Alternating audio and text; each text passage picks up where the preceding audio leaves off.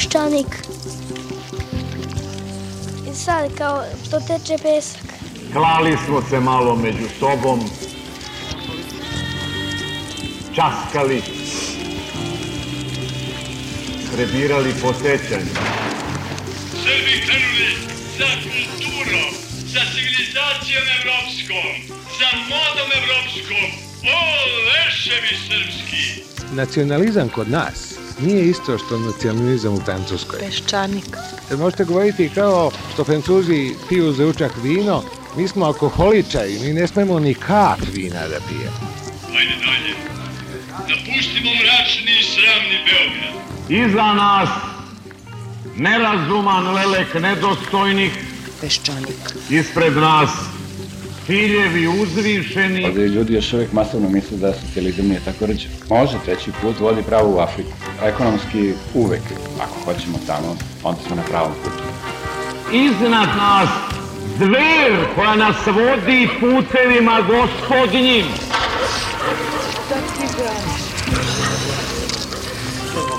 I da ne zatvorim oči, Peščanik. ja mogu da zamislim Srbiju kao najdinamičniju zemlju na Balkanu i jednu košnicu sa malo trutova i puno radilica.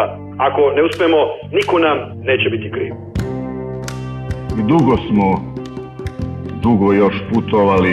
Dakle, mi smo izgubili 5. oktobar, da tako kažem. Nepredviđeno. Na televiziji vidim da se i rezultat drugog svjetskog rata promenio. Ugleda smo u bistroj vodi naša lica Prema tome, ja očekujem da će Srbija krenuti u nešto novo tek kad pobedi Turke na Kosovo. iznenada briznu smo u plaću. Peščanik.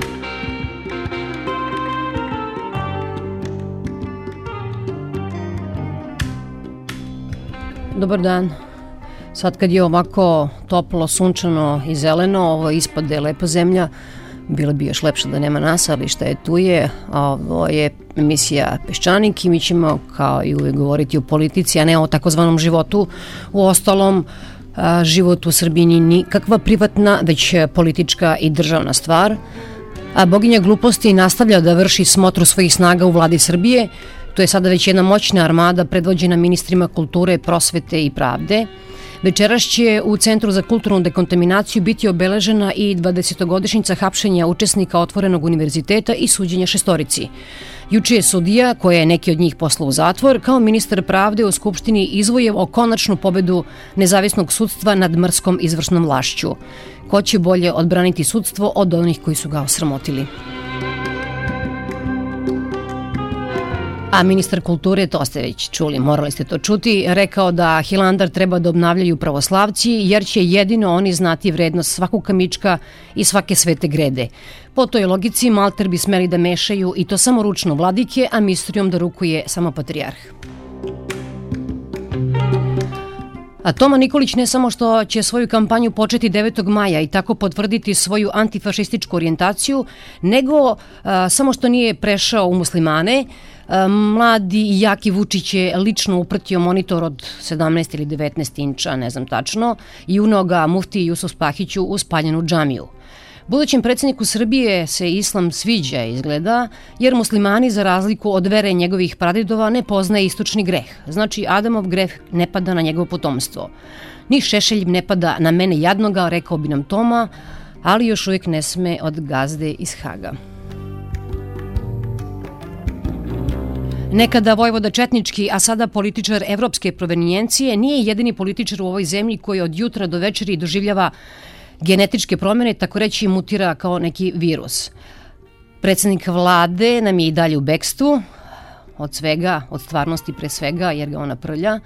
Dramatično nem sa Srbijom je na ti. Gorbačov je to rekao za Putina i Rusiju kada je Putin osvojio 70% glasova. Ovom našem je i 18% bio dovoljan podsticaj.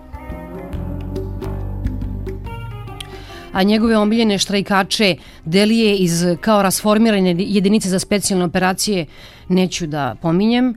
Verovatno bi ih predsednik vlade da hoće da prekine zavet ćutanja o svemu, još i pohvalio što su se u specijalnom sudu pojavili u majicama, a ne u uniformama i sa oružjem i što su ušli peške, a mogli su da su hteli da provale svojim hamerima i parkiraju se ispred sudije.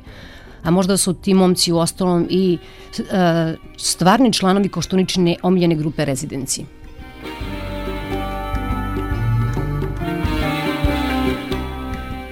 Nazve nismo htjela da idemo u Ćelije, ono, prošle nedelje da snimamo govor vladike Atanasije na obeležavanju 25. godišnjice smrti Justina Popovića. Sve smo mislili pa ne moramo mi svašta da radimo u životu, ali to, pokajali smo se. Vladika je tamo a, izrekao neke lepe stvari. A, vreme, časopis Vreme je njegov govor prenulo, muslimani su to nađevola pročitali i gle čuda, uvredili se, a Božje jagnje Atanasije je samo primetio da muslimani smrde. A i naravno novinari su ga zlobno citirali. Sinoć su na našoj uh, televiziji, tačnije u emisiji Javna tajna, govorili Muftija Zukorlić i Vladika Grigorije. Ja vjerujem da u Evropi ne postoji bolja pozicija muslimana od one kakve u Srbiji. Treće, što vrlo dobro pokazuje jednu, kako bi rekao, nedobronamjernost, je to što pominjete vladiku Atanasiju, što kažete, kažu muslimani prljavi. On je u jednom vrlo dobronamjernom kontekstu pomenuo to i vrlo nepažljivo, kako bi ja rekao. Manastir Ćelije, beseda pod šatrom vladike Atanasija. Kad je otac Justin preminuo, 40 dana sam se molio za njega, nisam mogao više. I danas njegova soba, kad se sagnete, još miriše, iako su sestre prale i vetrile eto 25 godina, na onaj fini znoj koji je on imao. Ima ljudi s neprijatnim znojem, šta da radite? Jadni muslimani, pošto jedu loj – Znate šta se desilo u selu Brdarici? Čovek bio dobar, svraćao ljude kući putnike, jedno jutro svratio dvojicu, žena čista, posluženje, ali uzrujala se, ja oprostite, čistila sam, oprostite što mi smrdi i tako nekoliko puta, ja oprostite što mi smrdi. Otišli oni i čovek će, ludo jedna, oni smrde, a ne soba. Bili muslimani, ona jadna nije znala. Ali ja znam da je to čovjek koji ima nevjerovatnu ljubav prema muslimanima I znam da je čovjek koji kaže da postoje ljudi koji imaju takav miris znoja koji smeta ljudima. I htio je da kaže kako su se muslimani izvanredno ponijeli u bolnici u Tuzli povodom najnovijeg masakra nad sveštenicima i palama. Gospodine Zukorliću, vi imate univerzitet u ovoj državi. Vi imate takva prava u ovoj državi kakva bi ja samo poželiti mogao u Bosni i Hercegovini gdje je moj narod 50-50% sa muslimanskim narodom. I drugo, ne možete od djece, od navijača, partizana, zvijezde ili rada, da očekujete da oni reaguju pametno. I nećete ni u jednom trenutku da kažete da je mitropolitan Filohije izašao pred tu djecu. Rizikujući život, to preskačete vrlo vješto. Hoću da vam kažem, nemate dobre namjere. I treba da malo gledamo realno da pogledamo se u oči, da kažemo čekaj bre ljudi, pa oni su mi dali, imam univerzitet, imam ovo, imam ono. I mnogo boli to, kako vi pričate, srušene su crkve u Kosovu, kao da je Kosovo neđe u, u Azerbejdžanu. Kosovo je gospodine Efendija u Srbiji, kao što je i Sanđak. I to nemojte da preskačete. I nemojte da mislite da je neko muta. Time što objavi se u novinama jedna izvrnuta riječ.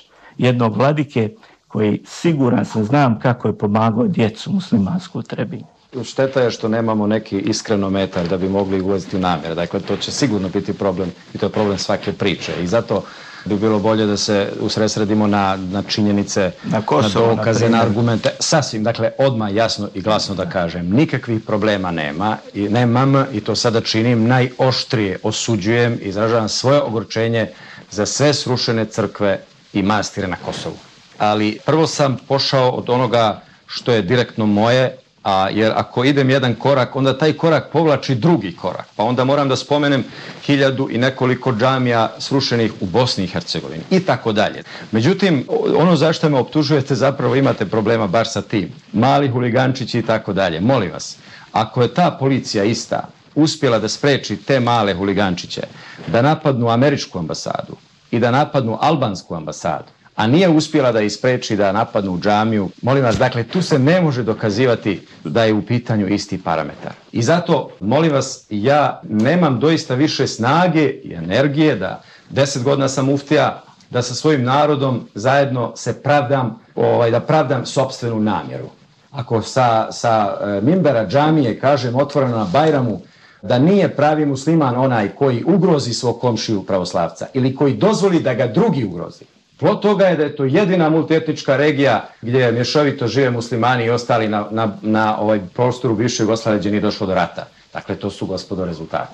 Možda ali ćete mi, dobiti Nobelovu tome, nagradu za mir. Vas, ja bih zamolio da, da ovaj, ovo nije zabavna emisija, dakle, ovo je ozbiljna emisija i zato u skladu sa vašom... Počeli ste od ambijenta, gospodine Muftije. Molim vas samo da završim. Ali ambijent je stvorilo Kosovo. Molim vas samo da završim. Prema tome, to kako se mi osjećamo, da smo ugroženi ili nismo, ipak najviše treba da mi o tome govorimo. Nas dvojice smo ovako i krupni, snažni, možemo da se kaže borimo dugo. Mi smo ljudi ličnosti, ja reagujem kao ličnost i volim što gospodin Zukorlić reaguje kao ličnost. Mi ćemo uvijek naći zajednički jezik jer smo ljudi verni, ali naravno do one mjere do koje možemo, kad ne mognemo više pričati o Bogu, kad ja kažem da je Bog sveta trojica, odnosno ljubav, kada on kaže da Bog je Allah i nema sina i duha svetoga, ja ću reći možemo da pričamo sad o paradajzu i paprikama i tako dalje, ali možemo da budemo ljudi. Što naš patrijarh, gospodin Zukorlić, govori već ovih 15 godina i samo to govori, da budemo ljudi uvijek, a ne ljudi nikad. Manastir Ćelije, beseda pod šatrom vladike Atanasija. Pustite te evroslinavce po Beogradu, ima ih jedan kombi da ih skupite. Dve Nataše, dve Sonje, dva ne znam kako se zove Mirko Đorđević, nažalost bili se dokopali prethodne vlasti, takozvane dosovske, gde se šljam okupio na zadnjaci koji su usred Beograda demonstrirali svoja prava na nastranosti. I bio je ministar i podpredsednik vlade takav jedan. Pa sve deca razbucala. Tu se jedino udružili partizanovci i zvezdaši. Pustite, ne treba se obazirati na njih, ali nažalost Amerikanci njih podržavaju i plaćaju.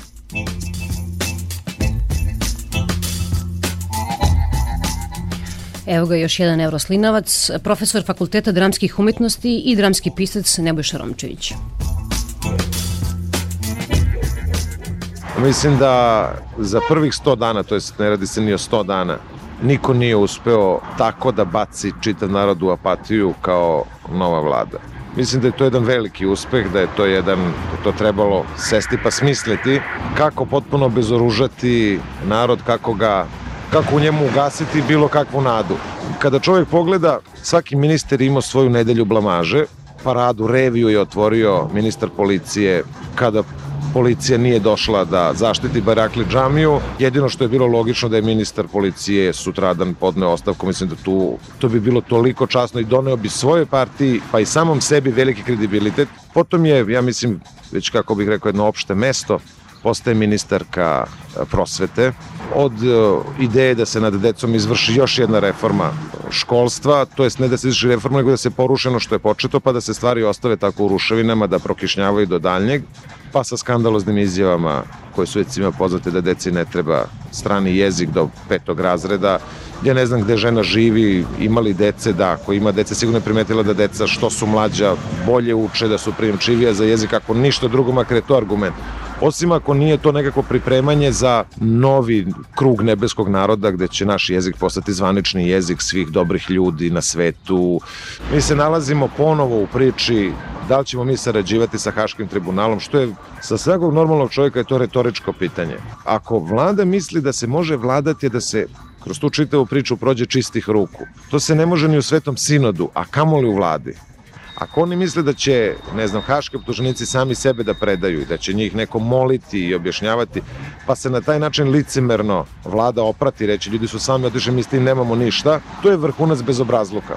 Zi trebalo imati hrabrosti koje je pokazio pokojni premijer i izaći pred javnost i reći ni meni se ne sviđa, ali ovo moram da uradim zbog državnog interesa. U tom smislu mislim da se Srbija nalazi pred novim ambisom, ne da se nalazi da je već u novom ambisu. Jer ako pogledate tu recimo priču oko Kosova, i sve te priče na koji način će se braniti Kosovo, niko se nije setio da kaže da će Kosovo braniti jedino savršeno organizovana moderna Srbija. Ovakva srednjevekovna ne pravi nikakvu distinkciju između Srba i Šiptara, ni po čemu se mi ne razlikujemo, imamo anarhi, anarhične, korumpirane, trećerazredne državne sisteme, oni još imaju administraciju pritom.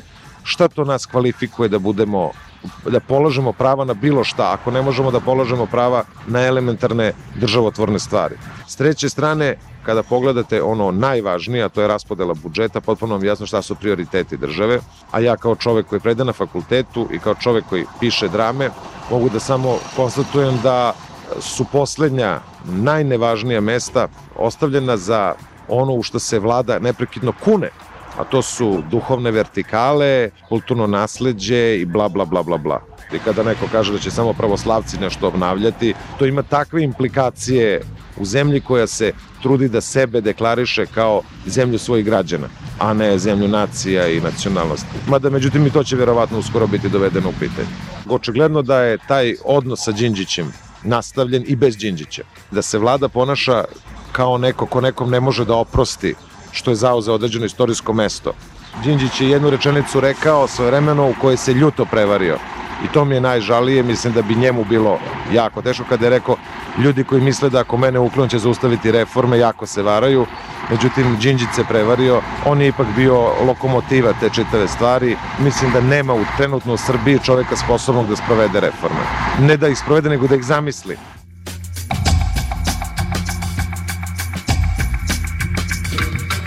Poznajem puno ljudi, ali toliko loših ljudi ima samo na vlasti. Toliko suštinski loših, toliko nesimpatičnih, bezobraznih, kakav je recimo ministar e, Stojković. Ja, malo je ljudi koji su, koji su tako agresivno, svađalački nastavni prema bilo kome. O, oni, on se čovjek ponaša kao da ima tapiju na apsolutnu istinu. Niko od njih izgleda mi nije sposoban za dijalog. Ja sam uvijek govorio da su ljudi iz DSS-a carevi tautologije, da oni svi prepričavaju jednu istu frazu, hiljadu puta šta god ih pitate, oni će vam reći da je de, demokratska stranka pokvarena. Ne verujem da nam se spremaju dobri trenuci, ono što je još gore iz ovakve krize koja je, kako bih rekao, jedna mlitava kriza, jedna kriza ispumpavanja, narod, kako nas je već Bog dao, uvek traži laka rešenja. A kad su laka rešenja u pitanju, tu su uvek radikalne partije. S druge strane, ova neverovatna blamaža koju su sebi priredile stranke koje su napravile vlast, ja mislim da oni ako bi išli na izboru sledećih 20 dana možda bi mogli da se približe situaciji da opstanu na vlast. Ali mislim za dva meseca ili tri meseca oni neće imati šanse više ni, ni da uđu u parlament. Će to biti blamaža neveđenog tipa. Tako da će sada doći na političko strane do jednog ozbiljnog pregrupisavanja, jer će nacionalisti biti nezadovoljni mlitavošću DSS-a, a demokratski orijentisani će biti nezadovoljni nedemokratičnošću DSS-a. Pa, dakle, oni koji su desno nastroji, koji su glasali za njih zbog tih desnih primesa će otići sasvim desno, a oni koji su prodemokratski orijentisani će se približiti centru, odnosno demokratskoj stranci, tako da ćemo doći do onoga što mislim da je nekakva logična situacija, to je da demokratska stranka bude centar okupljanja tih demokratskih i radikalna stranka centar okupljanja tih desno ili jače nacionalno orijentisanih stranaka. Prosto bih volio da kažem po neku reč o jednoj specifičnoj transformaciji radikalne stranke i u retorici i u načinu ponašanja. Možda je ta činjenica da Šešeljeve jarke boje više nisu prisutne i da je Tomislav Nikolić shvatio da je mnogo bolje da ne plaše ljude, mnogo više ljude plaše ljudi koji su sada na vlasti. Recimo, mene lično jako plaši kapitalni ministar, uopšte me plaše činjenica da je on ministar, pa tek onda on kao ministar me plaše.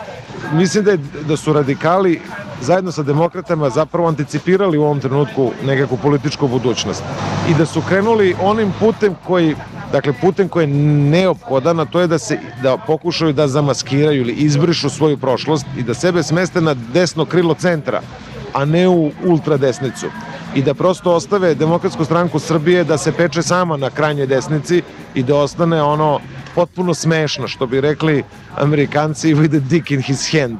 Onako kao, uh, uhvatiš me spušteni gaće, mislili smo da smo mi tu negde na sredini. I mislim da je to jako mudar potez radikala. A s druge strane, demokratska stranka je zadržala u medijima zapravo imidž vlasti. Mislim da su generalno mediji naklonjeni demokratskoj stranci i dalje, čak i oni koji su krenuli da se udvaraju vlasti, videli su da je to investicija kratkog daha.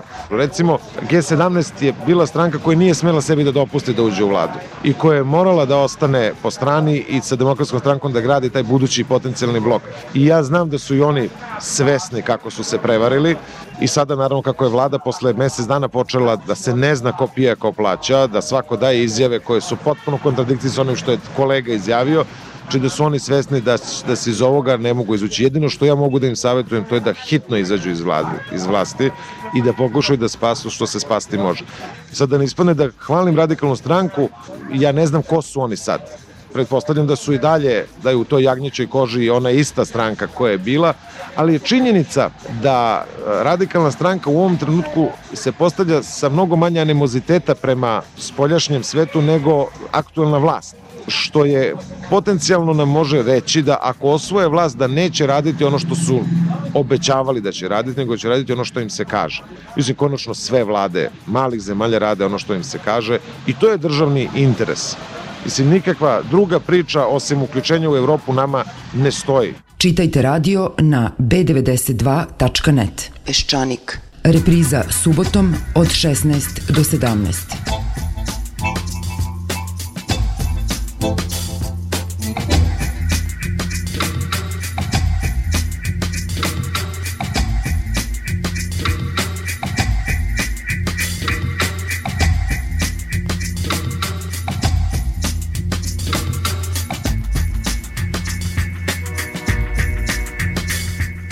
Nastavimo sa Peščanikom, a nastavlja da govori gospodin Nebojša Romčević.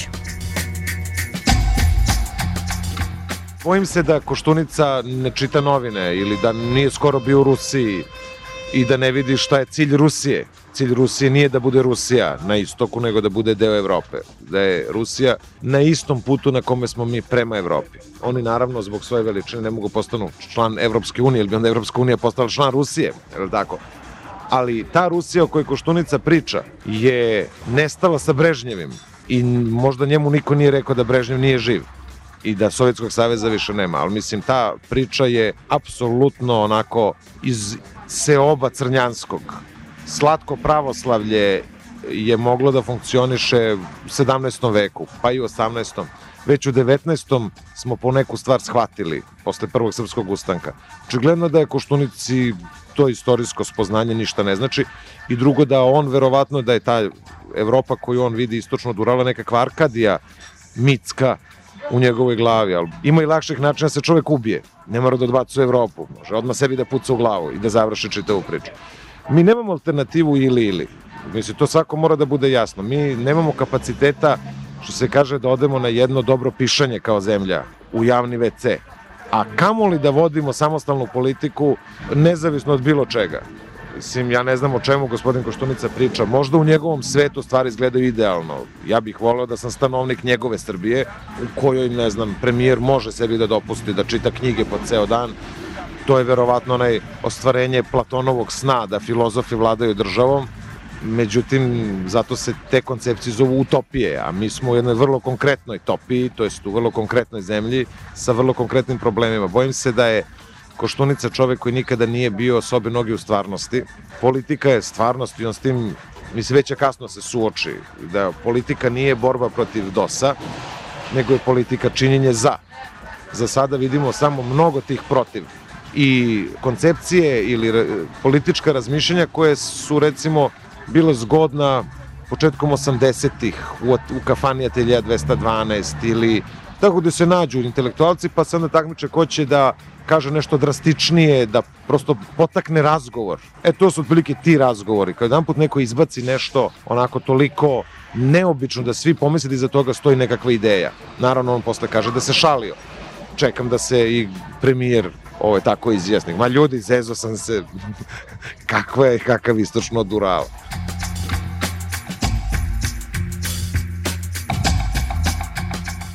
Koštunici fali jedan, odnosno najvažniji element za ostvarenje takve priče, to je Hannibal ante portas. Mi nemamo identifikovanog neprijatelja. Identifikovani neprijatelj je neophodan za homogenizaciju tog tipa da ljudi zaborave da umiru od gladi. Ta činjenica da Koštunica nema neprijatelja, to je da ne može da ga izmisli, govori o dve stvari. Ili će stvar krenuti ka socijalnom buntu, ako ne stvori neprijatelja, Znači, čim nemate neprijatelja, vi nemate oko čega se homogenizujete. Narod očekuje da mu se kaže konkretno, mi smo u Evropi 2000 milionite ili 2006.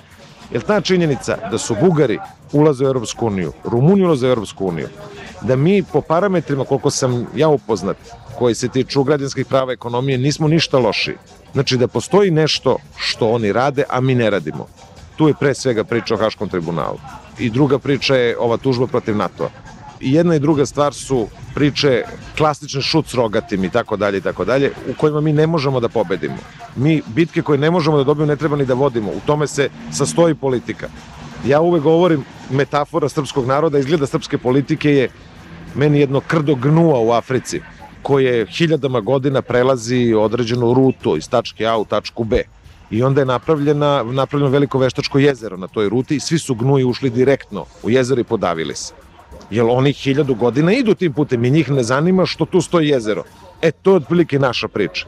Bez obzira što stoji jezero, što ćemo se podaviti ako uđemo, ako napravimo tu glupost, mi ćemo tu glupost zapraviti, mi ćemo sebi proizvesti neprijatelje i onda ćemo se homogenizovati i preživeti recimo još godinu dana na vlast. Pitanje je samo da li mi na to pristajemo, ne pristajemo. Bojim se da oko pristajanja i nepristajanja se stvari više ne rešavaju na izborima, jer mi imamo ogroman deo biračkog tela koje je potpuno apatično i kod nas ljudi su nespremni više da se opredeljuju. Ta kao politika je kurva i tu se otprilike razmišljanja o politici završi kad kažu ljudi mene to ne zanima meni je to neshvatljivo, ali očigledno da je edukacija stanovništva, odnosno razumevanje stanovništva da ima nekakvog uticaja šta oni žele i ne žele, nešto što ne ide u račun ni jednoj vlasti. Ali činjenica da Koštunica sa 3-4 izjave svaka nova izjava je zapravo jedan novi udarac našem međunarodnom položaju. I te udarce, te autogolove koje smo mi sebi dali za mesec i po dana je neverovatno teško ispraviti. Ja čak osjećam jednu neverovatnu dobronamernost međunarodne zajednice, koja sa velikim strpljenjem pokušava da ne čuje nešto što se govori, polazeći od činjenice da se radi o neozbiljnoj vladi i da je ne treba uzimati suviše ozbiljno, će kratko da traje, da ne treba dakle sada pokretati administraciju da menja svoj odnos prema Srbiji. Jer mi znamo, ako se hitno ne promeni makar retorika, taj mehanizam će krenuti da se mrda u nekakvom drugom pravcu. A znamo već iz našeg iskustva kad se administracija pomeri u jednom pravcu, da treba godinu dana da zakoči i jedno tri godine da se ponovo okrenu u nekom drugom pravcu. Ja apelujem, što se kaže, kao privatno lice na, građan, na G17, da najhitnije napusti vlast, da se ta vlast dovede u pitanje i sruši. Da shvate da će sebi iskopati, ne samo sebi, na to imaju pravo, naravno, sebi da iskopaju grob, da će iskopati grob svima nama, ako se podhitno čitava stvar ne rasturi. Ti, kako bih rekao, diskretni, šarmantni pozivi demokratskoj stranci da uđe u vladu, mislim da bi DSS pre istrunuo odnosno skapao na našim kostima nego što bi pristao da uđu u takvu priču ili je ono na čemu su oni bazirali svoju kampanju je kritika demokratske stranke. Dakle, ako bi njih primili u vladu, zapravo bi svoj predizborni program popljuvali, a s druge strane drugi predizborni program nemaju. Već sama činjenica da je Maršićanin kandidat za predsednika je u najmanju ruku zabavna. Ja mislim, to je čovek o kome niko ne može imati mišljenje. Ovako mi deluje kao čovek s kojim je lepo, simpatično sedeti i, i čeretati, ali kao neko ko svojom energijom, svojom snagom, svojim vizionarstvom čini nekakve političke poteze. Pa nemojte da se zaprkavamo.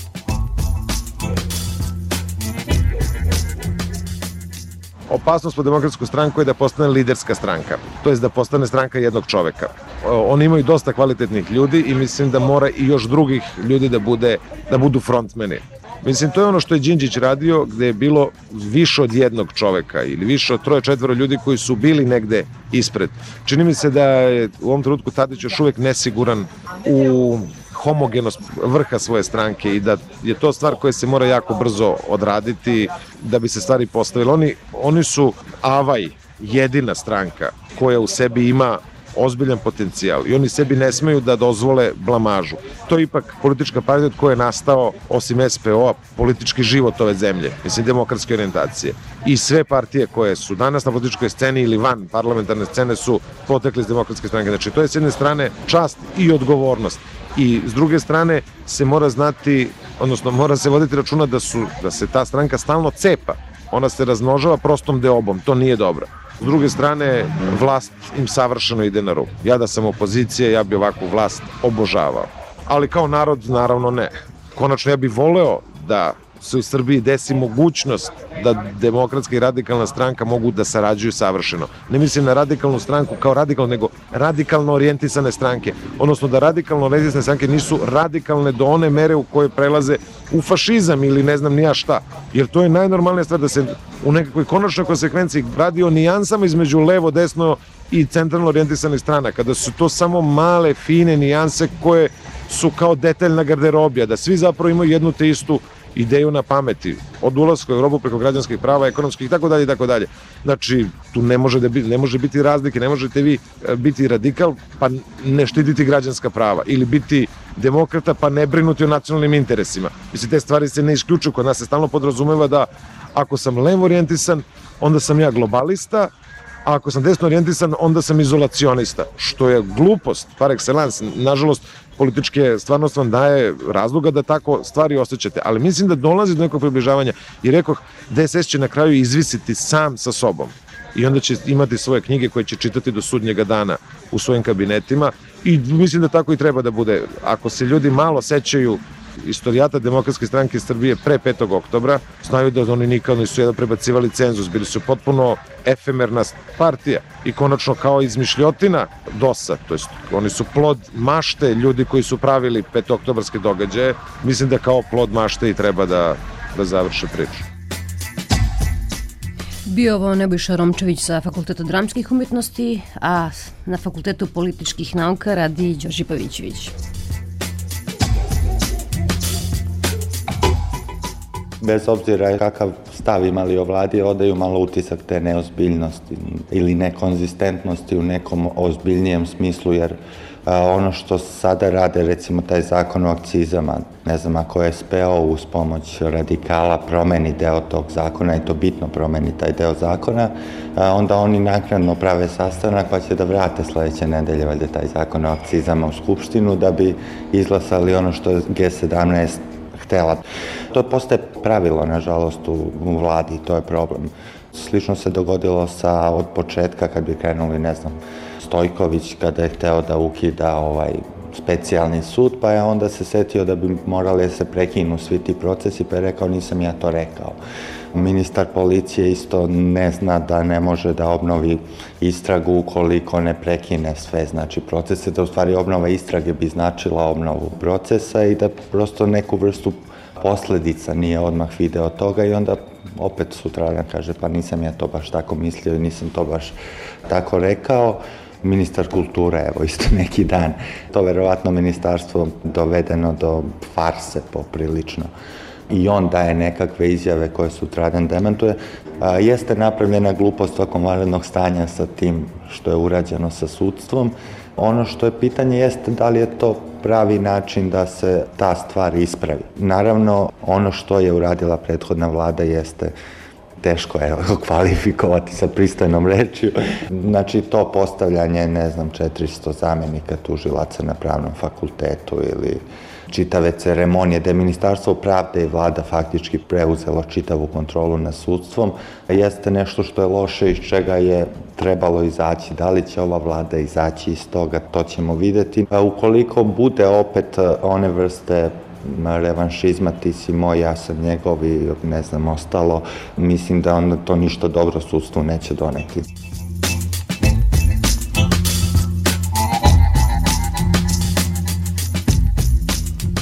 neozbiljno izgleda recimo meni Ministarstvo kulture, na primjer. Počevo od unošenja poštene figure Draže Mihajlovića, ne znam, pa do izjave Bore Đorđevića kako će dobijati pare projekti sa nacionalnim predznakom, a posle kaže dobit će zaječarska gitarijada.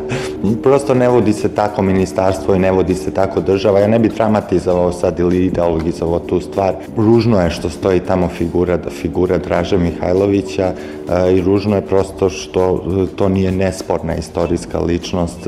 Ti ljudi koji su tu moraju biti svesni da on nije nesporna politička ličnost i onda ne smeju na takav način dalje deliti društvo.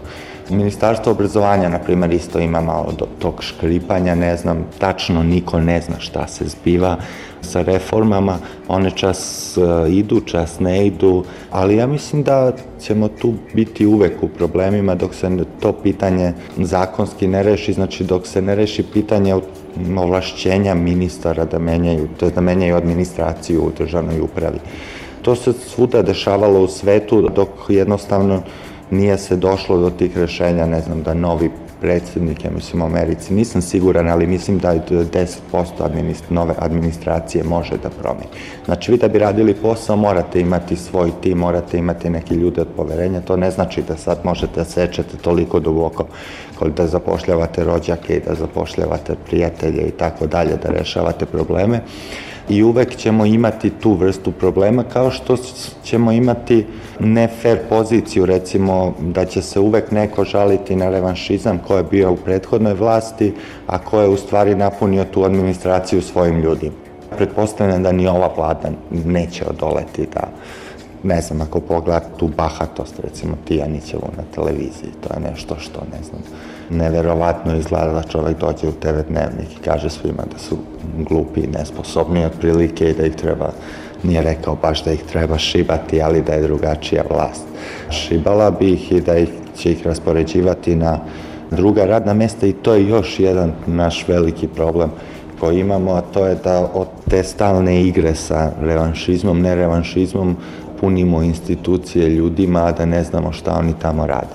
Znači, one stare sklanjamo na neka radna mesta koje im niti su primerena, a dovodimo neke nove ljude i samo dodajemo. I onda se napravi ta jedna vrsta papazijanije i onda svi čekaju kako će izgledati sledeća vlada i tako dalje.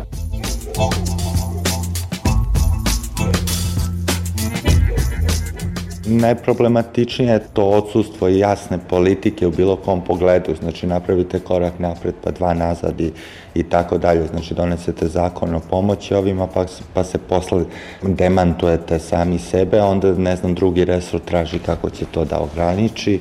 Do sada o neke konkretne štete osim ove pomoći američke nije preterano napravljene, ja ne znam da li ima po konkretnim ministarstvima moguće da ima, recimo ukoliko vi krenete u projekat, ne znam, reforme škole sa Svetskom bankom ili sa OEPS-om, ne možete vi sada reći puj pike ne važi. Neću više da se igram tako i to je, to je nešto što mislim u početku su verovatno krenuli sa nekim svojim idejama, ali kad su videli kako to funkcioniše, pa onda su malo stali. Te stvari za sada imam utisak da mnoge od tih stvari stoje, ne znam, stoje učbenici, na primjer, stoje to kako će izgledati sledeća školska godina, na primjer.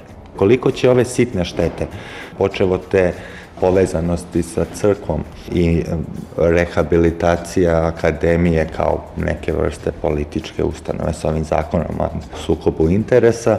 Koliko će to dugoročno doneti, doneti štete, to prosto ne može, ne može sad da se proceni. Mislim da će biti zanimljivo sad dolazi gej parade. Mislim da je ovaj Tanasije Jeftić na nekoj godišnjici u Valjevu. Znači, e, taj Justina Popović je izjavio jednu groznu stvar. Sutradan sam nekoga od njih, od, od ovog iz vlade video kako hodaju sa njima, ne znam, nazivaju tamo one euroslinavci, pa koji hoće da, ne znam, javno prikazuju svoju perverznost ili već koji je izraz upotrebio, što u principu meni ne smeta da neka kaže, neka on misli o tome šta god hoće, neću, niko nema pravo da mu skraćuje mišljenje, ali rekao jednu groznu stvar nakon toga, hvala Bogu, deca su ih sprečila. Ta hvala Bogu deca su isto verovatno slična deca koja su palila džamiju i slična deca koja prave gluposti na sve strane i kojima se to toleriše. Znači, ne samo toleriše, nego na neki način daje se javno podrška, znači počevo od a ne znam, Radoša Ljušića koji kaže da su to fino obučena i počišana deca i ne znam zašto bi mi imali nešto protiv toga, znači kulturna deca. Možete vi odobravati ili ne odobravati homoseksualizam, to je nešto što može biti u domenu vašeg ličnog, ličnog stava, ali tražiti državnu intervenciju da se to spreči a, i to da se spreči nasilnim sredstvima jeste nešto što prosto ne bi smelo da se događa i ne bi smelo da se toleriše. To bi značilo da ne znam kada, 15. juna, mislim da je to, To bi značilo da sada opet imamo to na ulici. Videli smo šta je bilo prošli put. Ja mislim da je ovo mnogo veći test ministru Jočiću nego što je bio test uh, sa Barjakli džamijom, jer to nije mogao mnogo unapred, nije mogao da predvidi. To je jedna stvar i druga stvar, to je zaista bilo nekoliko dana nakon instaliranja vlade. Ali sada već imamo tu najavu mesecima unapred i onda će biti u obavezi i da zaštiti te ljude ukoliko bude dolazilo do incidenta. Kako si ti shvatio pojavljivanje bivših pripadnika JSO-a na suđenju za ubistvo Zorana Đinđića? To je meni još uvek nejasno, moram priznati.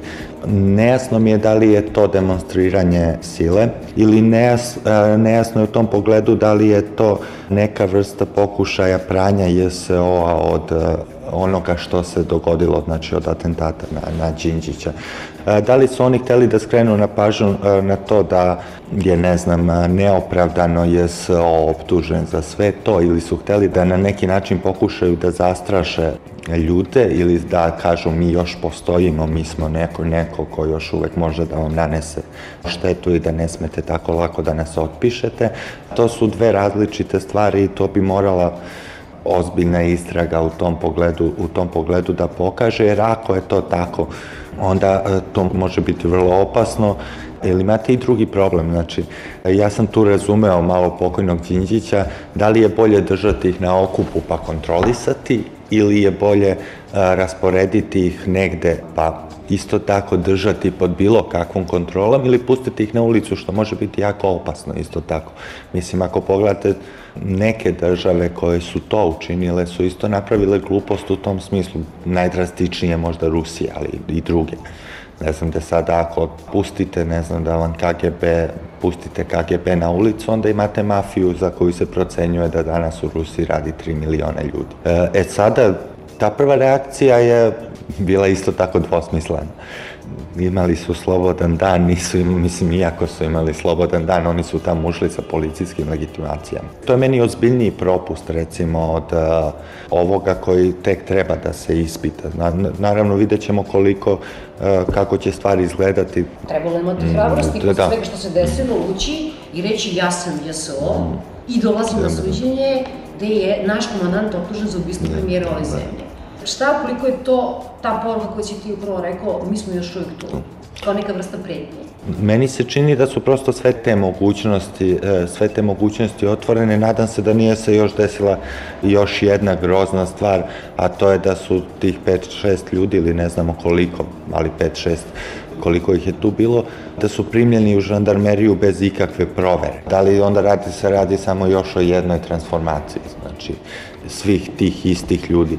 Meni je malo, moram da priznam previše da, da, da to pretpostavim, jer prosto ne želim da, da, da prihvatim tu mogućnost jer onda to delo je potpuno beznadežno. Ali s druge strane, ako vi kao građani ne možete imati poverenja ni u jednu ustanovu, onda je to već zastrašujuća okolnost, a uvek su najopasnije te institucije kao što je recimo žandarmerija koja bi trebalo da bude najmoćnija policijska jedinica u zemlji i ako vi nju ne možete da kontrolišete, onda šta možete da kontrolišete? Znači, deluje, kažem, u tom smislu deluje jezivo.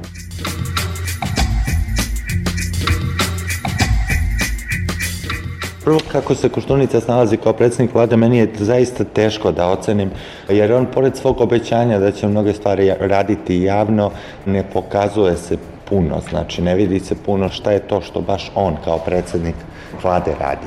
Sada je teško reći vlada i sagledati šta je to što vlada radi. Ono što rade posebna ministarstva možete, ali pitanje ko stoji iza toga, da li stoje stranke ili stoje ministri ili stoji, ili stoji cela vlada iza toga, jer u tom smislu vlada nije napravila, napravila neki ozbiljan korak da kaže to je tako. E, s druge strane dolaze nam ovi predsednički izbori i to može biti vrlo opasna stvar, znači može se dogoditi a to je naravno bez obzira da li nas opet optuži da plašimo ljude radikalima, mene brine, mene bi zaista iskreno zabrinula pobeda radikala, Mene kod radikala više plaši kako će oni postupati prema unutra nego kako prema spolja. Ja mislim da čak bi u nekoj varijanti oni verovatno prema spolja vodili neku vrstu korektne politike da bi prosto amortizovali taj negativni imič koji imaju verovatno bi nagovorili neke tamo da odu u Hag kao što danas hrvatski generali pevaju kad idu u Hag, a dok Ivica Rača nije mogao da ih ubedi ni pod kojim uslovima. Mašićanin će imati, imati veliki problem. Ne zato što ljudi njega percipiraju kao loše kandidata, nego što to je neko rekao jednom da je to drugi čovjek, ne, to je treći čovjek faktički. Znači, odbili su Koštunica, odbili su Labus, odbio je Labus i sada tražite nekog trećeg koga ćete kandidovati i u neku ruku ljudi to onda doživljavaju kao neku vrstu rezerve. Znači, ponašate se kao da vam baš i nije preterano stalo do toga da, da bude izabran vaš kandidat. Pitanje je koliko je svima u vladi iskreno stalo da, da Maršićanin pobedi, jer to će biti zanimljiv deo priča ovih izbora. Ta priča Tadić, Marš, u stvari odnosa Tadi, Tadić Maršićanin, jer čini mi se da je prošlo vreme davno, samo što to oni još nisu shvatili, tog uh, sigurnog biračkog tela. Znači, ja imam biračko telo. Moje biračko telo će glasati onako kako ja kažem. Ja mislim da neće. Meni se čini da će, da će do toga ovde doći, da će jedan deo makar jedan deo glasova, recimo G17, se vratiti demokratskoj stranci ili preći kod demokratske stranke, kao što nije izvesno kako bi u drugom krugu glasali svi iz demokratske stranke Srbije ili recimo iz Veljine Nove Srbije, kako bi oni pozvali da glasaju za Tadića kao kandidata. Naravno što će biti šlag na tortu, to je potencijalna Karićeva kandidatura za, za izbore. Jeste pitanje trenutka, verovatno kada će se on uključiti u neku politiku, jer ima dve stvari. Jedna je da neće odoleti, a druga je da bi se zaštitio. Znači, kada ste već toliko moćni, teško odolite da uvek igrate na druge ljude. Druga stvar, već neke političke konstelacije bi mogle kod njega da budu opasne i puno vas više košta da održavate stalno tu strukturu nego da se sami kandidujete. Znači, puno vas više košta da stalno plaćate nove ljude nego da vi sami imate direktno svoje ljude tu. Naravno, Karić ne računa, siguran sam, ni na kakvu pobedu ili na nešto, ali računa na par procenata, verovatno, i mislim da je moguće da on to dobije. Čitajte radio na b92.net. Peščanik. Peščanik. Repriza subotom od 16 do 17.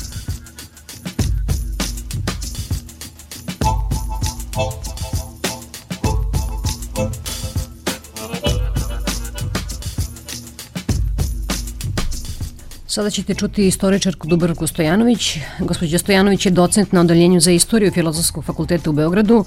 Dobila je nagradu grada Beograda za društvene i humanističke nauke za knjigu Srbija i demokratija 1903-1914. Istorijska studija o zlatnom dobu srpske demokratije.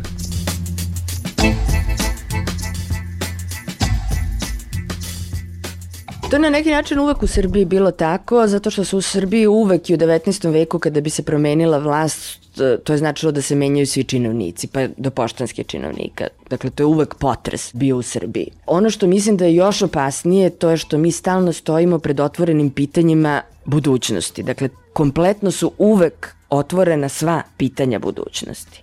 I to je, mislim, još nekako strašnije. Dakle, da li ćemo u Europu ili nećemo u Europu? Da li ćemo demokratiju ili nećemo demokratiju? Da li ćemo u teokratiju ili nećemo u teokratiju? Da li ćemo u reforme ili ćemo u neki sistem koji više nigde ne postoji?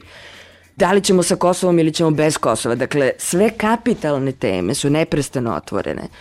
Mislim da je to jedan prostor koji jako odgovara određenom tipu političkih elita. To je onda prostor za beskonačnu manipulaciju. I neko je svojevremeno dobro rekao, na primjer, za Kosovo, Kosovo zlatna grana srpske politike. Dakle, to je tema koja se beskrajno može iscrpljavati u politici, na koje se sve moguće mahinacije i kombinacije vlasti mogu neprestano potvrđivati i utvrđivati, a da se pitanje pritom ne rešava. Kao ni jedno od ovih pitanja koje sam pomenula. Dakle, živeti u jednoj zemlji u kojoj je sve otvoreno, znači živeti u jednoj zemlji u kojoj je sve moguće, a živjeti u zemlji u kojoj je sve moguće često se loše završi i često e, u istoriji ima tendenciju da se završi u autoritarnim režimima jer se onda pojavi neko ko objasni da on ima rešenje za sve te probleme i da će ih za dva meseca rešiti i da, da se ta rešenja nalaze u džepu, da su vrlo jednostavna, vrlo se jednostavno ona formulišu u tri rečenice, a to je uvek podloga autoritarnom i vrlo opasnom poredku. Jer uvek sam imala utisak, a to su mi potvrđivali neki ljudi iz prethodne vlade, da su oni imali osjećaj da se to može svakog časa prekinuti i da zato u strašno kratkom vremenu mora da se započne i uradi mnogo. I samim tim ako vi radite recimo kao politička elita jedne zemlje po takvim pritiskom, onda normalno je da vi i brzate, normalno je da vi neke stvari ne promislite do kraja, normalno je da se tu onda učini više grešaka nego što bi se učinilo. Ali ta vrsta pritiska i ta, ta vrsta osjećaja da se sve može dovesti u pitanje, to je strašno opasno i za svaku aktuelnu vlast u, u krajnjoj liniji. Mislim, za same njihove postupke koji su onda suviše brzi, koje posle se potroši silno vreme da se nešto vrati, da se porekane, da se demantuje, prolaze nedelje dok se jedna e, ishitrena stvar demantuje i to zadržava zemlju koja nema vremena.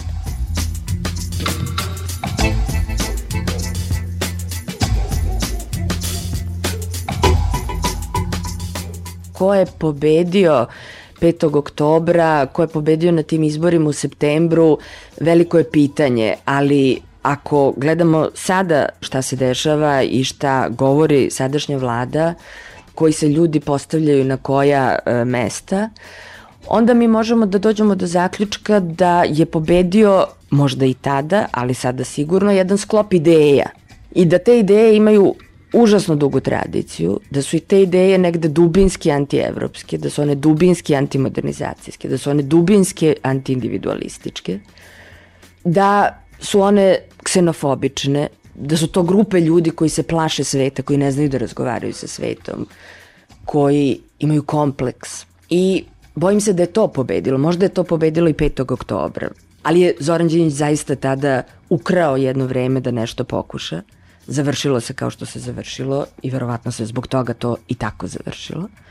I prosto se stvar nastavlja tamo gde je prekinuta, neprirodno prekinuta 5. oktobra. Dakle, nastavlja se jedan sklop ideja koje, podrža, koje je u velikoj meri imao i SPS, koje je u velikoj meri imala i vlast pre toga, koja je u velikoj meri postojala od 19. veka i na znači jedan dugi kontinuitet.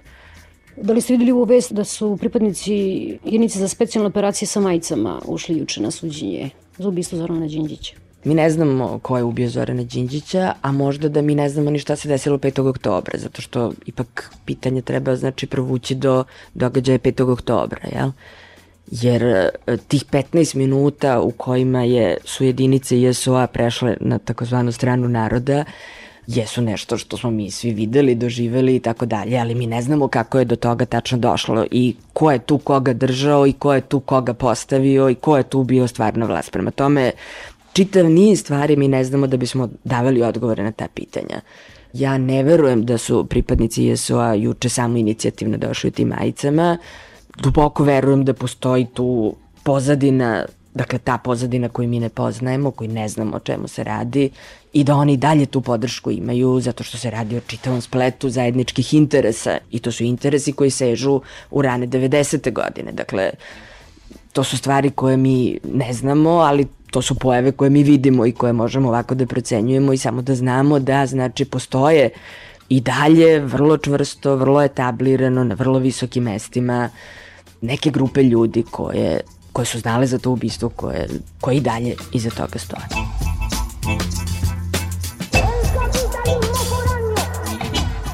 Ja sam napisala tu knjigu i meni je posebno drago što sam dobila nagradu za tu knjigu jer mislim da je ta knjiga predstavnik srpske kritičke istoriografije, dakle ona istoriografije koja smatra da zreo narod treba da se suoči sa svojom prošlošću onakva kako je ona bila. Ja sam stavila pod znake navoda u podnoslovu to zlatno doba demokratije jer, jer ono jeste pod znacima navoda. Tu su bili vrlo ozbiljni problemi sa tom demokratijom i to su problemi koje imamo dan danas i međutim tada su neke stvari bile izvesne i čitava elita bez obzira na sve međusobne sukobe, na sve strašne reči izgovorene jednih protiv drugih, na sve fizičke obračune koji su se dešavali na sred terazija i tuče između političkih protivnika pa čak i u Skupštini Ta elita je, dakle, bez obzira da li se nalazila na desnici ili na levici ili u centru, jasno bila opredeljena za Evropu i jasno bila opredeljena za demokratiju i jasno bila opredeljena za to da Srbija u sve probleme koje ima i koji su oni bili svesni mora da ide tim putem. Dakle, oni tu dilemu nisu imali ono što mislim da, da je važno za moju knjigu to je da ona to dokazuje, ali da dokazuje da su oni imali probleme u tome da to ostvare i da su ti problemi nasleđeni, da su to problemi te tradicionalne, pa ako hoćete i patrijarhalne političke kulture koja se ovde nikada nije razvila do onog stepena koji je neophodan za demokratiju. Jer sve moderne teorije demokratije danas polaze od toga da se ne radi samo o nekim e, institucijama i procedurama kako će se odluke donositi i kako će biti podeljena vlast, da se ne radi čak ni o sistemu koji je vezan za određene ideale kao što demokratija jeste, već da se radi pre svega o sistemu koji zavisi od političke kulture. Uvođenje demokratije naravno zavisi od stepena političke kulture, ali još mnogo više njen opstanak. Dakle, demokratija se i može da tako kažemo, nasilno uvesti nekim političkim prevratom, kao što je to bilo 1903. ubistvom poslednjih Obrenovića, ali za njen opstanak, za njeno trajanje, za njenu stabilnost i za njen pravi smisao je potreban određeni stepen moderne i razvijene političke kulture koju mi nažalost nemamo. I nemamo sve vreme e, ne zato što smo mi genetski takvi, nego zato što mi nismo imali istorijskog vremena da se da se te stvari razviju. Dakle, politička kultura nije pitanje ideologije ili nečije želje da se ponaša drugčije, to je pitanje iskustva na prvo mesto, političkog iskustva. Jer ako vi, recimo u vašoj, u, u svojoj istoriji parlamentarnoj, imate nekoliko iskustava sa koalicijonim vladama, na primer, onda vi shvatite da taj vaš politički protivnik nije vaš krvni neprijatelj, već da ste vi zajedno na jednom poslu. Dakle, hoću da kažem da su to stvari koje se dolaze na svoje mesto izvesnim trajanjem. Ili, ono što je najvažnije za demokratiju, to su mirne smene vlasti. Mi nemamo u našoj istoriji ni jedno iskustvo mirne smene vlasti i zapravo sve do ovih izbora sada ni jednom u Srbiji nije opozicija došla na vlast izborima. A kad vi nemate to iskustvo da je vlast normalna, da ste vi sad tu pa onda posle više niste, da se to dešava jednim normalnim redom, onda ćete vi da naučite da se ponašate i kad ste vlast i kad ste opozicija. Pošto mi nemamo to iskustvo, onda vlast ide do krajnjih granica i opozicija ide do krajnjih granica i to neprestano stvara jednu frustraciju otvorenog građanskog rata. Dakle, mi neprestano živimo u jednoj psihozi da taj građanski rat može sutra da izbije. I to je, zbog toga se mi plašimo, recimo, kad vidimo uh, prekid televizijskog programa. To, to je prosto nešto što je tokom 90-ih ušlo, čini mi se, za sva vremena u svakog od nas. Jer smo mi neprestano suočeni da može u svakom trenutku da se desi nešto najgore. To između ostalog proističe i iz tog nedostatka iskustva da su neke stvari u politici potpuno normalne kao što je smena vlasti i da to ne znači skidanje poslednjeg činovnika u vladi ili čak u pošti, što se izgleda sada dešava sa ovom vladom koja ponovo po po koji put e, menja kompletno činovništvo svih ministarstava i samim tim dovodi u pitanje funkcionisanje jer to su ljudi koji čine kontinuitet ministarstva. Problem je u tome što mi nemamo vremena. Eto, to, to je problem Srbije, A još je veći problem što ona nema vremena već čitav vek ili vek i po. I što se stalno čeka to da se to desi i da se to krene, ali se to nije desilo i nije se krenulo. Zato i mislim da to jeste regresija. Prvo zato što sad ta pitanja koja su bila zatvorena početkom veka, sad su ponovo potpuno otvorena. I drugo zbog toga što ako vi osjećate da nemate vremena krajem 19. veka a to isto osjećate krajem 20. veka. Umeđu vremenu je prošao najburniji vek i najbrži vek u, srp, u, u svetskoj istoriji. Onda vi stvarno imate problem, jer ti vaši problemi su se degenerisali dok je svet otišao dalje. Dakle, vi jeste, znači, ušli u neku vrstu patološkog stanja jer niste rešili ni jedno od tih pitanja. I sada kada se postavi pitanje u Evropu da ili ne, to je jedno pitanje koje se pet puta dnevno postavlja u našim medijima, ja jedino što mogu da pitam, a gde ako ne, mislim s kim? Jer ti ljudi s kraja 19. veka, oni su mogli da računaju na carsku Rusiju, na primer, ili na Austro-Ugarsku, na primer. Ali danas vi možete da budete samo uz Irak, čak i Libija sad promenila, jel prema tome ne znam ko nam je još preostao za tu alternativu. Tako da mene jako zanima da mi se definiše ta alternativna pozicija, ja to nisam uspela da shvatim. Vuk, ja vam prepričam. Ajde. Šta su rekli? Ajde. Evo, Vuk Drašković je rekao pre neki dan, ministar spoljnih poslova, da je naša spoljna politika bila jednosmerna, da je bila usmerena na Brisel i na Washington. On nas podsjeća da postoji Moskva, a ne zaboravite da je u ekspozeu premijer Koštunica rekao kad su mu stavili primjedbu opozicijni poslanici da nije dovoljno govorio o priključenju Evropskoj uniji, on je rekao da prvo to nije posao vlade, a drugo, citiram, rekao je da Evropa za njega nije samo ova Evropa o kojoj mi govorimo, ne Evropa je za njega istočnija od Urala. Pa ne, prvo ne može da bude istočnija od Urala jer je nacrtano i zna se šta se po tim misli, šta na karti kad piše Evropa, misli dokle, to, to je potpuno jasno. Ali s druge strane, ono što mene još više brine, sad u, hvala vam što ste mi objasnili, stvarno nisam uspela da shvatim, ono što mene više brine, to je u stvari jedno nedovoljno poznavanje sveta koje se iz toga može videti, jedna nedovoljna ekspertska pozicija kada se razmišlja o međunarodnoj politici, I pre svega jedno vrlo stereotipno i mitsko mišljenje. Dakle, mi mislimo o Rusiji da je ona Dostojevski. Koja je to Rusija s kojom se mi povezujemo?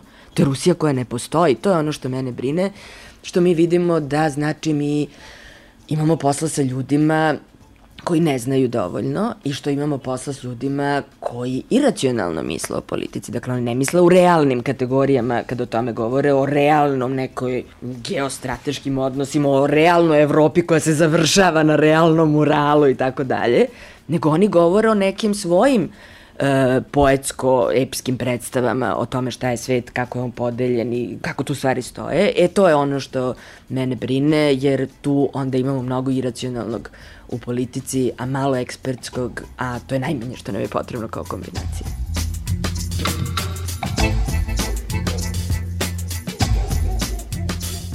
i sa stanovišta njihovog sobstvenog opstanka na vlasti da su se činile neke stvari koje su i protiv njihovih interesa. I sad, ne samo što ja moram da govorim da su protiv naših, mojih interesa, nego moram da ih ubeđujem da su i protiv njihovih interesa. Prosto šta je vama možda tih događaja ili, ili ti stvari, mislim, bilo paradigmatično i pošto znam da ste vi uključeni bili u reformi obrazovanja, znači to je bio jedna od prvih stvari koju sam obznanili da se to zaustavlja, pa onda govorio zamenik ministra da ne znamo dovoljno srpski jezik, da se obustavlja, dok je to stalo i kakve su konsekvence toga? Pa evo ovo što ste pomenuli, to je paradigmatičan primer ponašanja nove vlade. Dakle, reforma obrazovanja je obustavljena. U redu. Ali nije se reklo šta dalje. Sada je kraj aprila. Svi koji su ikada bilo šta radili u prosveti znaju da se u prosveti sve mora završiti do 15. juna kada nastavnici iz škole odlaze na godišnje odmore i posle više nema ništa da se radi sa školama u julu i avgustu i škola počinje 1. septembra, to je takođe egzaktna stvar kao što i, mislim, granica na Uralu.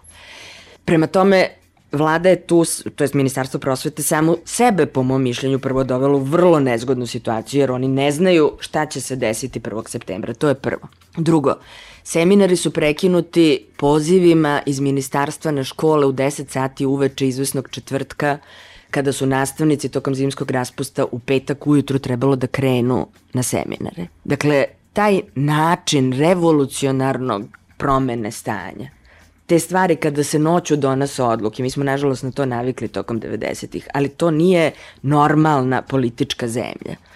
E, ne može se u 10 sati otkazivati seminari, ne samo zato što je to jedno političko ponašanje koje je spada u neke čudne zemlje, nego između ostalog i zbog toga što su iza tih seminara stajali Svetska banka, Evropska unija i Ujedinjene nacije. Dakle, oni su ovih godina stajali i podržavali reformu obrazovanja. To su međunarodni ugovori. Dakle, vi ste u deset uveče zbog neprijateljstva prema prethodnoj vladi, zbog čiste lične mržnje na Zorana Đinđića, doveli u pitanje niz međunarodnih ugovora, što opet dolazimo na ovo o čemu smo ranije govorili. Znači, nedostatak kompetencije, nedostatak poznavanja sveta, oni ne znaju šta znači međunarodni ugovor.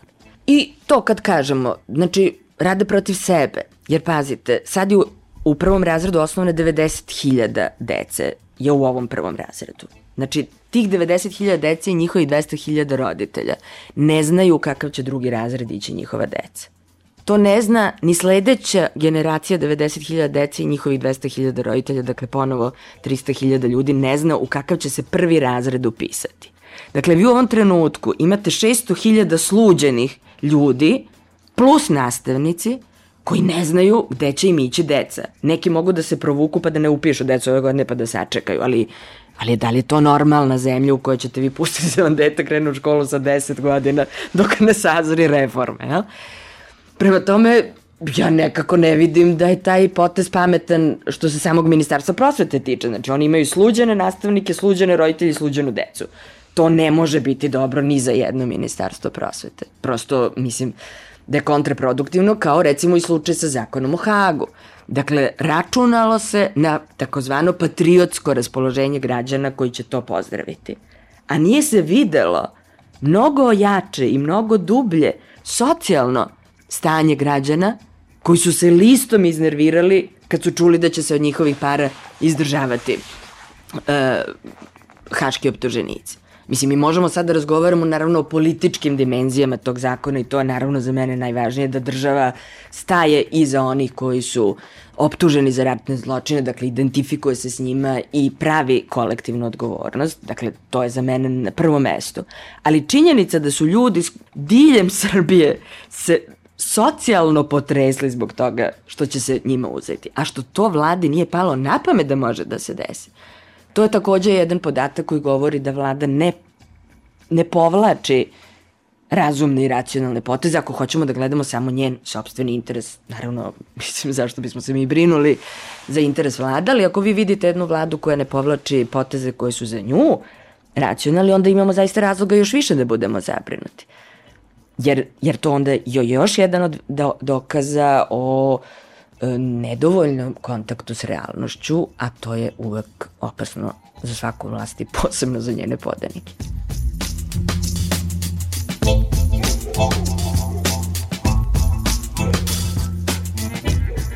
Srpska država je od 40. godina 19. veka imala jasnu politiku i to je pokazala Ljubinka Trgovčević u svojoj knjizi Planirana elita, e, jasnu politiku obrazovanja e, naših ljudi na zapadu, dakle na zapadnim univerzitetima, prvo nemačkim i austrijskim, posle švajcarskim, na kraju francuskim. Šalju se čak i žene izuzetno rano e, na školovanje, na univerzitetsko školovanje, školovanje u inostranstvo. Ti ljudi nisu imali jednostavan odnos prema Evropi, jer se i oni tada, kao i mnogi danas, kad dođu tamo, nisu lagodno osjećali, jer nisu znali jezike, jer nisu bili dovoljno dobro obučeni, jer nisu bili dovoljno dobro naučeni raznim manirima. Oni su često takođe imali taj kompleks inferiornosti koji posle produbljuje taj antievropski diskurs ali su oni ostvarili dobre veze, videli su tamo šta se dešava i učinili zaista čudo. Evo, mi već mesecima radimo na toj hronologiji Srpske države, 200 godina Srpske države i jedan od za mene zaista najuzbuljivijih zaključaka je da neke ljude koji smo mi kao istoričari posmatrali kroz političku istoriju, znamo i kao predsednike vlada, kao ministre spoljnih poslova i tako dalje. Mi smo sad njih otkrili u neverovatnim nekim oblastima, zato što smo mi tu hronologiju postavili kao neku totalnu istoriju i to su nam radili stručnjaci iz istorije medicine, iz istorije nauka, dakle svih mogućih vrsta istorije. I mi smo sad jednog Jovana Žujevića, kojeg smo znali kao samostalnog radikala, pa smo ga znali kao ministra, pa smo ga znali kao predsednika vlade, pa smo ga znali posle u demokratskoj stranci i tako dalje. Znali smo njegovu političku ulogu. Mi smo sad njega otkrili kao osnivača katedre za geologiju u Beogradu, za osnivača silnih udruženja, uključujući prvo planinarsko udruženje u Srbiji, na primjer. Ili Vladana Đorđevića, koje smo takođe znali kroz politiku, ali sad smo ga videli da on osnovo sve, Srpsko lekarsko društvo, sve moguće institucije do, do te škole za medicinu i tako dalje. I to je strašan zaključak, zato što mi vidimo znači, te neke ljude koji su školovani na zapadu, koji su došli s tim idejama ovde, koji su imali beskrajnu energiju. Dakle, oni su i pisali knjige, bili profesori univerziteta i bili ministri i osnovali sve institucije u ovoj zemlji. I to je za nas bilo otkriće, ali je strašno da ta država je uvek zavisila od ličnog entuzijazma. Dakle, tu nije bilo sistema, nego vi imate te pojedince koje smo mi sad odjednom otkrili, koji su sve napravili. I sudove, i medicinu, i planinare, i bicikliste. I to je taj problem. Dakle, šta ako nemamo tog pojedinca? Šta kad ubiju Zorana Đinđića? Eto, to je to pitanje. Dakle, i zemlja bez sistema, zemlja bez strukturiranih elita, bez jasnog plana, šta hoće sa sobom, zaista vrlo često onda stiže u Ćorsokaka, to se nama i do sada često dešavalo, pa se bojim da ima razloga i da se ponavlja.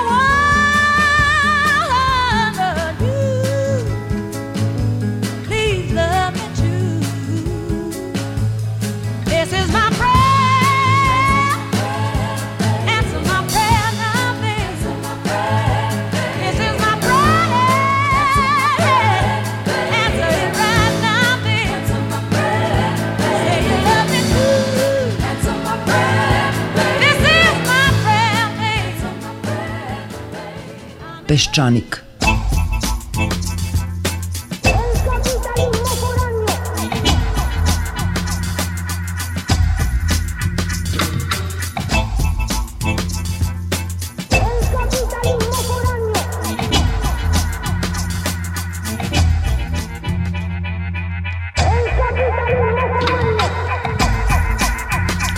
Eto, to je bio Peščanika, govorili su Nebojša Romčević, Đorđe Pavićević i Dubravka Stojanović.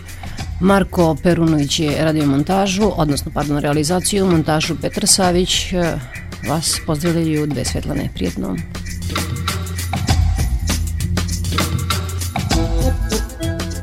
Peščanik. Repriza subotom od 16 do 17.